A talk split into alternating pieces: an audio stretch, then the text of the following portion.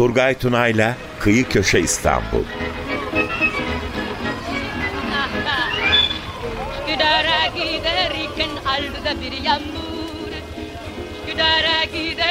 İstanbul'dan mekanlar, olaylar ve insanlar.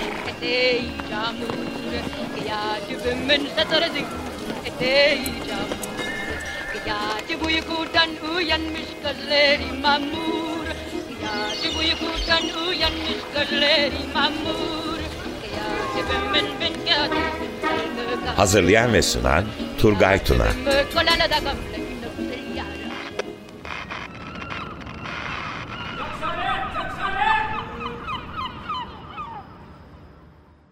95.0 Açık Radyo'dan selamlar sevgiler herkese. Ben Turgay Tuna. Kıyı Köşe İstanbul'la gene beraberiz.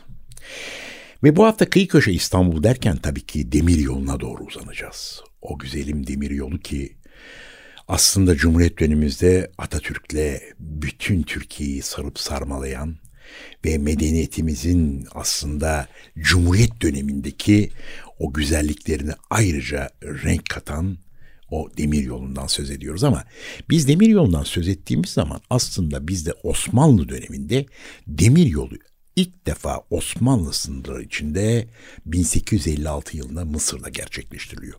Tabi arkasında bir İngiliz desteği de var.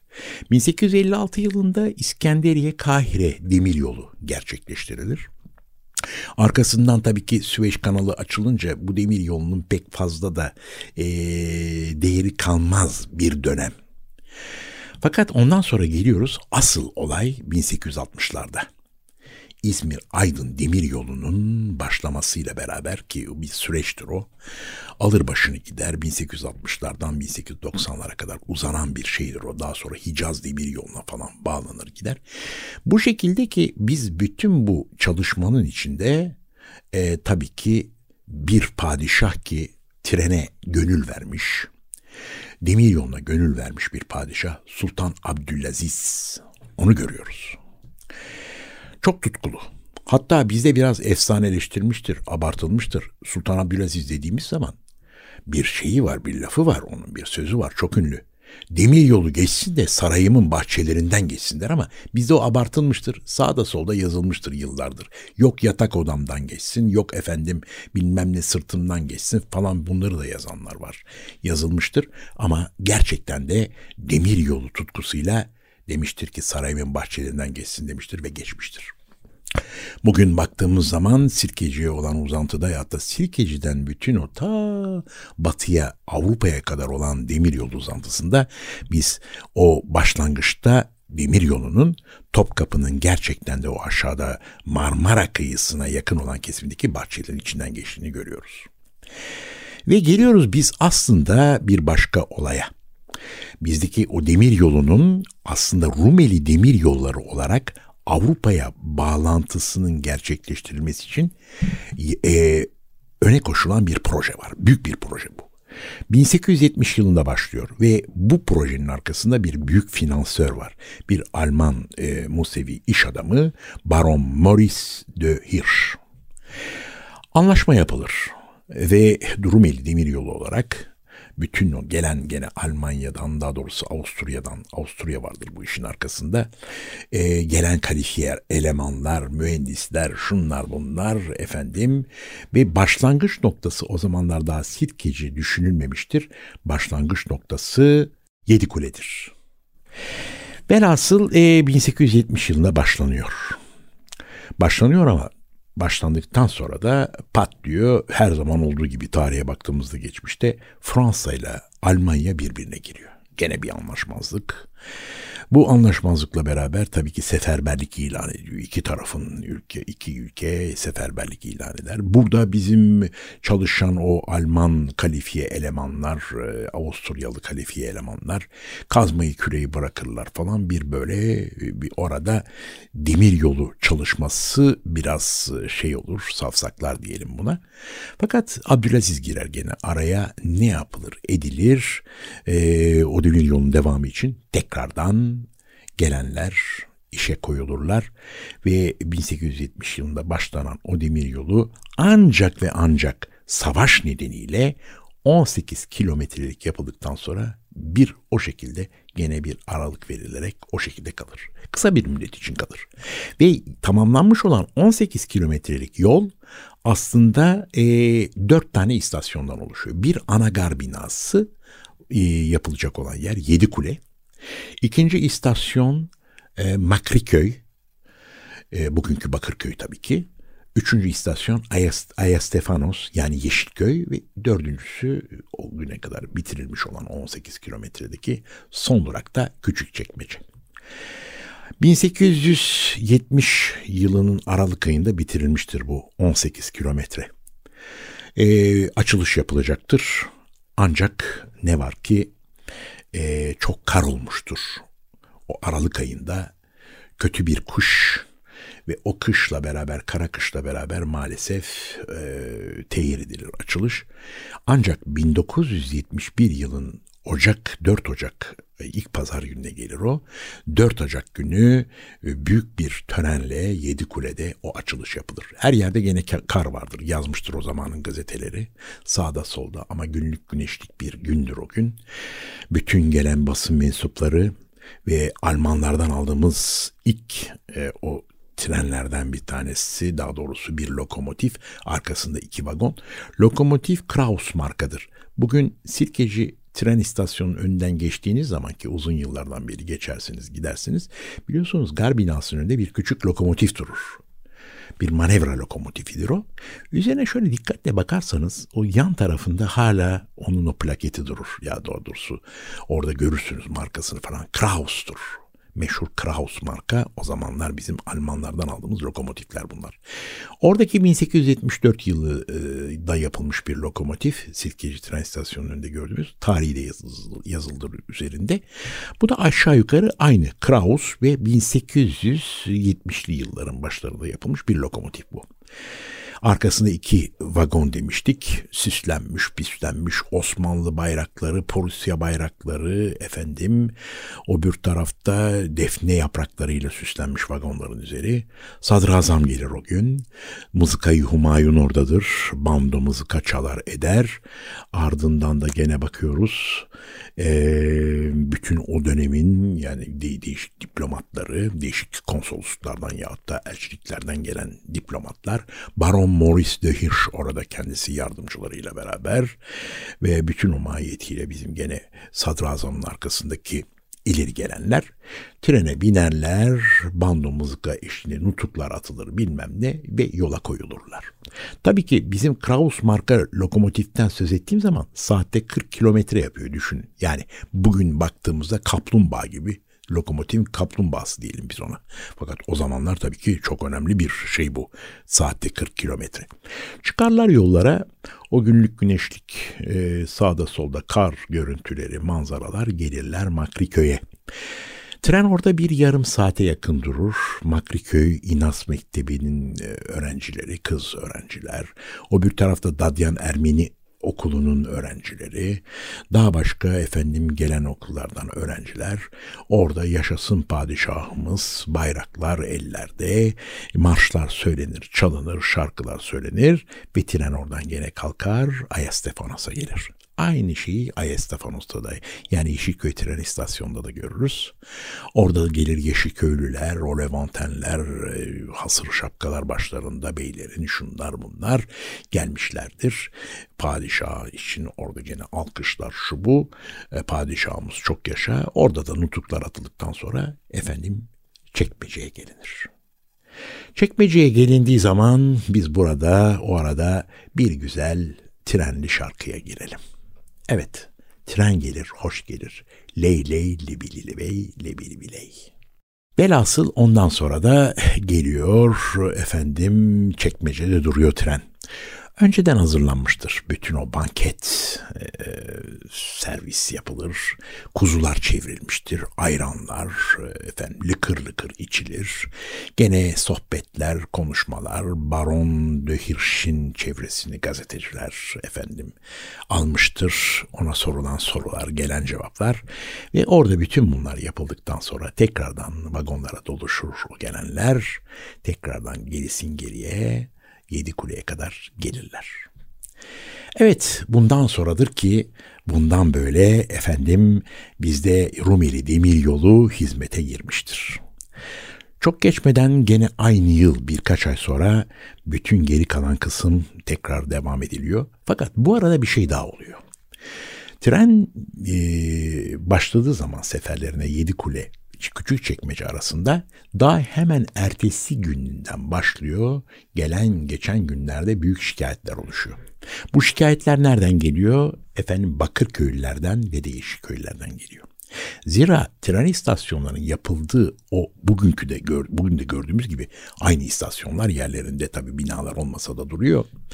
Bazı binalar da var sonradan yapılmış olan kalmış olan bir e, Şef Dögar binası hem Bakırköy'de hem Yeşilköy'de varlar hala yerlerindeler. Onun dışında bir su deposu hala Yeşilköy'de görürüz. Ta o zamanlardan kalma muhteşem tarihi yapılar bunlar. İşte o dönemde bakıyoruz e, yeni yeni e, çıkan o yapılanma demir yoluyla beraber e, o zaman da Yeşilköy'de olsun, Bakırköy'de olsun e, asıl yerleşimin merkezi sahile doğru. Sahil kesiminde. E insanlar kalkıyor trene binmek için ta sahilden yürüyor. Hele Ocak ayından bahsettik. Kardan, çamurdan, yağmurdan bahsettik. Yürüyorlar geliyorlar ama ne kundura kalıyor ne nalın kalıyor. Hepsi çamur içinde geliyorlar oralara kadar. Ve geldikten sonra da tabii ki çamurlara batmış bir halde trene biniyorlar. Ve hatta trenden inip de evlerine gittiğinde gittiklerinde aynı şeyi yaşıyorlar. İşte şikayetler başlıyor ve tabii ki bunun üzerine çok e, titizlikle o zamanın bütün o sorunları bu işin üzerine eğiliyor. E, çok ünlü bir kişi o günlerden bir kişilik Bosnalı Salih Efendi gelir denetlemek için gönderilmiştir kendisi. Bakar gerçekten de halkın şikayetin, şikayette bulunduğu gibi haklı taraflarını görür, eder ve raporlarını yazar, hazırlar.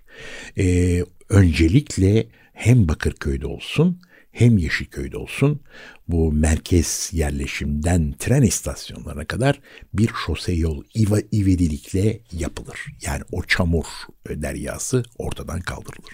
Hatta ve hatta bugün Yeşilköy'e gittiğimizde tren istasyonlarına inip de aşağılara doğru indiniz mi denize doğru biliyorsunuz bir istasyon caddesi ve bu çok yerde karşımıza çıkar. Bu tren istasyonlarından inip de e, yerleşimin merkezine doğru yürüdüğünüzde bir istasyon caddesi çok yerde karşımıza e, çıkıyor. İstanbul'da bu e, Asya tarafında bakıyoruz Erenköylerden bilmem Göztepe'lere şu bu. Bazı caddelerin isimleri değişmiştir ama Bakırköy'de öyle. İstasyon caddesi diyoruz. O çarşının olduğu yere. Yeşilköy'de keza öyle. O isim hala anılıyor ve resmi olarak caddenin üzerinde tabelasında yazılı. Ve istasyon caddesi dediğimiz zaman özellikle Yeşilköy'de bu Salih Efendi'nin raporlarına yazmış olduğu gibi bir yeşillendirme yani ağaçlar dikiliyor. O ağaçlar bugün hala yerlerindeler. Ve bugün o Yeşilköy'deki e, istasyon caddesini yaz aylarında muhteşem yeşilliklerle şemsiye gibi bir gölge şeklinde ta uzun bir mesafe o caddeye renk katarlar güzellikler içinde. Evet Salih Efendi ondan sonra bambaşka bir olay. Yeşilköy'ü görür, çok beğenir, çok sever. Ardından da gider Yeşilköy'den kendisine bir arazi satın alır ve muhteşem bir köşk yaptırır. İstanbul Caddesi'ne yani sahile yakın bir yerde. Aradan biraz daha zaman geçtikten sonra, yıllar geçtikten sonra o köşkün bulunduğu sokağın adı da Salih Efendi Sokak olur. Ama ne hikmetse bilemiyoruz. Bundan bir 50-60 yıl öncesinde o sokağın ismini değiştirdi belediye. Salihiye Sokak adını verdi. Nedendir bilemeyiz. Salih Efendi sokak oldu size Saliye sokak. Herhalde Salih Efendi Allah rahmet eylesin e, adamcağız mezarında ters falan dönüyordur yani Saliye sokak olduğundan beri. Neticede bütün bu şikayetlerin üzerine tabii ki başka bir şikayet daha hasıl oluyor. Bu da Yedi Kule'ye kadar insanların ta merkezden Silkeci taraflarından gelip de o faytonlarla, atlı arabalarla efendim oradan trene binip Bakırköy'e, Yeşilköy'e, Küçükçekmece'ye gitme sorunları hasıl oluyor. Çünkü uzak mesafe.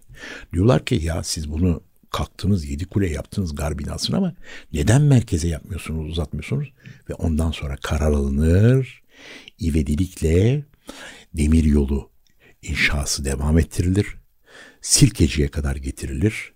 Ve bakıyoruz biz 1872 yılının 21 Temmuz tarihinde gene çok büyük bir açılışla Sirkeci tren istasyonu da açılmış olur.